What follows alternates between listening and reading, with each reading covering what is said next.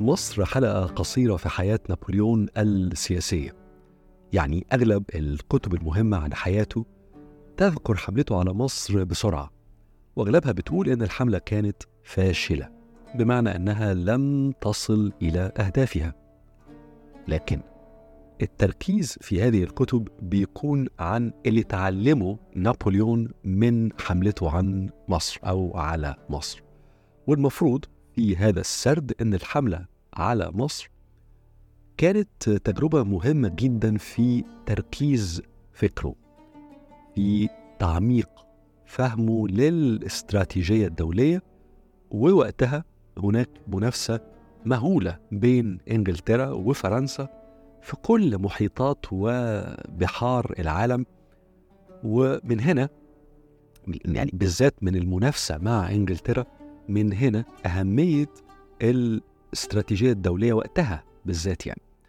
ومع كل ده الكتب اللي بتتكلم عن نابليون بتركز على إن الحملة على مصر الحملة الفرنسية على مصر اللي قادها نابليون بونابرت أيضا ادت هذا الرجل دروس مهمة في كيفية الحكم والإدارة خاصة كحاكم للشعوب هو احتل أراضيها.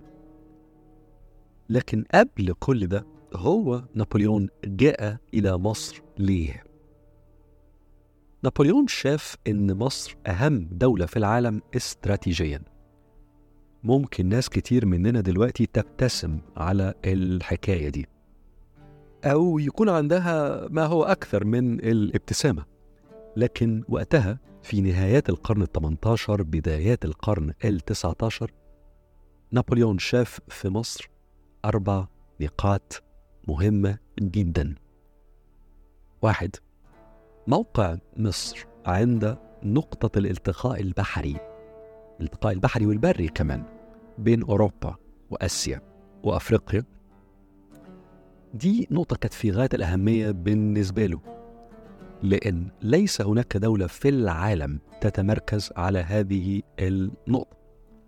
ووقتها الانتقال البحري كان صعب وبطيء وطبعا لم يكن هناك انتقال جوي. فموقع مصر على البحر الأبيض المتوسط وعلى البحر الأحمر ومن الناحية البرية على الأرض ربط مصر أفريقيا بآسيا من خلال سينا ده كان له أهمية كبيرة.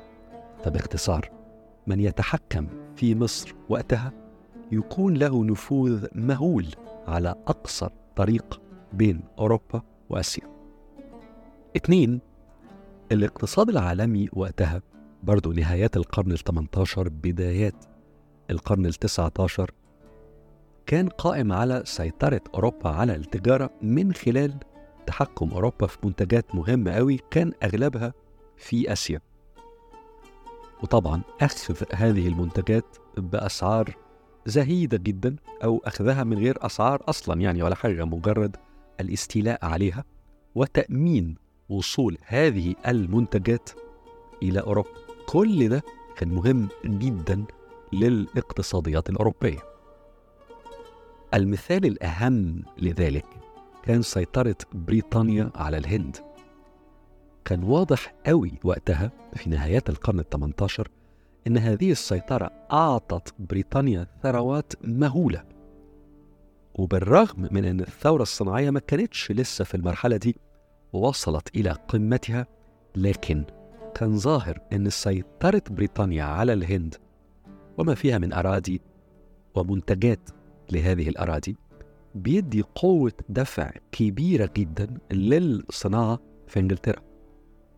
والصناعة وقتها في بداياتها الحقيقية كان واضح قوي إن هي موتور الثراء البريطاني وخاصة الإنجليزي.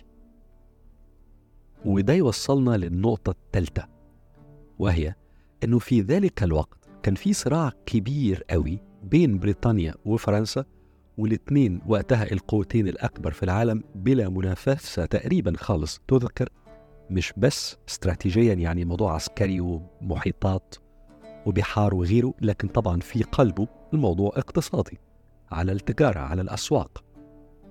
نتيجة كل ده أن نابليون بونابرت رأى بذكاء أنه لو استطاعت فرنسا السيطرة على موقع مصر شديد الأهمية هتسيطر على أهم طرق الوصل بين الغرب والشرق وده حيمكنها من قطع أهم طرق الوصل بين بريطانيا ومستعمراتها في آسيا اللي كان أهمها الهند. فهنا في فكر نابليون السيطرة على مصر تقوية كبيرة قوي لموقف فرنسا في صراعها الاستراتيجي مع بريطانيا. وإعطاء قوة دفع كبيرة للاقتصاد الفرنساوي في الاقتصاد العالمي وعليه إضعاف لبريطانيا استراتيجيا وتجاريا. في نقطة أخرى كانت في فكر نابليون واللطيف في نابليون إن الكثير جدا من أوراقه ومذكراته وما قاله موجود ومن بداية حياته تقريبا إلى نهايتها. يعني عندنا مادة تاريخية جد يمكن الاعتماد عليها لفهم فكره. المهم النقطة الأخرى في فكر نابليون كانت متعلقة بالدين ودي نقطة قليل ما يشار إليها. نابليون كان ذكي جدا. شاف أن أوروبا بتشهد صراع. أحيانا علني وأحيانا مكتوم حول دور الدين في السياسة وفي المجتمع. الدين هنا إلى حد بعيد هو المسيحية الكاثوليكية. ودور الدين هنا بشكل رئيسي متمركز في دور الكنيسة الكاثوليكية في السياسة وفي المجتمع. والكنيسة الكاثوليكية واحدة من أقوى وأغنى المؤسسات في كل التاريخ الإنساني. نابليون شاف رأي العين يعني. إزاي إن الثورة الفرنسية اللي هو كان واحد من أبنائها كانت مصرة على إلغاء دور الكنيسة والدين بشكل عام في الدولة وإحداث فصل تام بين الشرعية السياسية ونظام الحكم والتشريع للقوانين وتنظيم المجتمع وبين الدين. يعني إن قادة الثورة الفرنسية أرادوا إبعاد الدين عن كل ذلك ودي كانت بداية تكوين الدولة المدنية في أوروبا كلها يعني. نابليون شاف قوة الدفع في فرنسا وفي أماكن أخرى في أوروبا ضد سيطرة الدين على المجتمع والحياة والدولة وهو كان متعاطف جدا مع هذه الفكرة. وكان في تصوره إن فرنسا المدنية قادرة أنها تتواصل مع مجتمعات ذات ثقافات غير كاثوليكيه وإن فرنسا ممكن قوي إن هي تقدم نفسها لهذه المجتمعات كصديقة. وإنه هذه المجتمعات زي مثلا المجتمع المصري ذا الأغلبية الإسلامية إذا قيل له عن مبادئ الحرية والعدالة وغيره من الكلام اللطيف قوي في أهداف الثورة الفرنسية وإذا قيل له عن فصل الدين عن الدولة في فرنسا لن يرى في فرنسا كعدو للإسلام ولن يستعيد ماضي الحروب الصليبيه ولذلك كان في رأي نابليون إن فرنسا الثورة عندها فرصة للنجاح في المجتمعات غير الكاثوليكية والبعيدة عن الدور التاريخي الحاسم للكنيسة.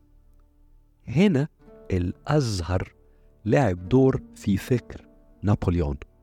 نابليون درس مصر كويس قبل الحملة وكان مدرك كويس قوي إن الأزهر له نفوذ كبير وقتها.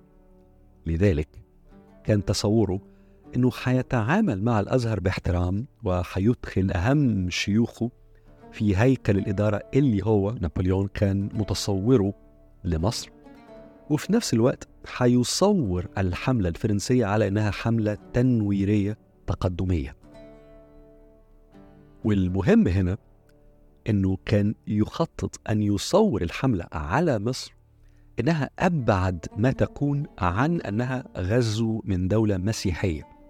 وفي تصوره تصور نابليون إن كل ده هيحيد الأزهر وفي نفس الوقت هيخلي ناس كتير في مصر متعاطفة مع فرنسا أو على الأقل تلتقي تصوراتها للمستقبل للخروج من عصر الجهل والتراجع تحت العثمانيين والمماليك مع اللي بيقولوا الفرنسويين. ده غير إن نابليون كان عنده قناعة عامة إن في ناس كتير قوي في فرنسا في أوروبا وفي خارج أوروبا لا تريد دور حاسم للدين أي دين في السياسة في الحكم في تنظيم المجتمع. ومعنى ذلك في فكر نابليون إن في ناس كتير في مصر ممكن تكون متعاطفة مع الأفكار عن الحرية الفكرية عن الخروج الدين من السياسة وغيره اللي هي من أسس الثورة الفرنسية. فملخص هذه النقطة الطويلة قوي هي إن كون مصر ذات غالبية إسلامية ومع الدور المهم جدا وقتها للأزهر في السياسة الداخلية المصرية ومع تصور نابليون لمعنى رغبات الناس فيما هو رأى حرية فكرية جعله يشعر يفكر إن فرنسا ممكن يكون عندها فرصة نجاح مش بس عسكري ولكن أيضا سياسي في مصر وقتها. النقطة الرابعة أو الخامسة هي إن نابليون طبعا عمل شغل استخباراتي معقول قبل مجيء حملته وإن كان دي واحدة من النقاط الغامضة في التاريخ هنا. يعني إحنا ما نعرفش إيه إيه بالظبط المصادر وكيفية هذا الشغل الاستخباري اللي اتعمل في مصر قبل الحملة الفرنساوي الفرنسويه على مصر. لكن المهم يعني إن نابليون كان واثق تماما من أن القدرات العقلية والعسكرية والعلمية والنفسية للمماليك في مصر وقتها كانت شديدة الضعف وكان واثق إن العثمانيين غير قادرين على الإطلاق عن الدفاع عن مصر. اللي كانت زي ما قلنا قبل ذلك في هذه السلسلة جزء من السلطنة أو الدولة العثمانية. يعني نابليون كان واثق تماما إن حملته على مصر سوف تنجح في السيطرة على البلد. وقد كان. آخر نقطة آخر سبب لمجيء نابليون إلى مصر هي نقطة شخصية.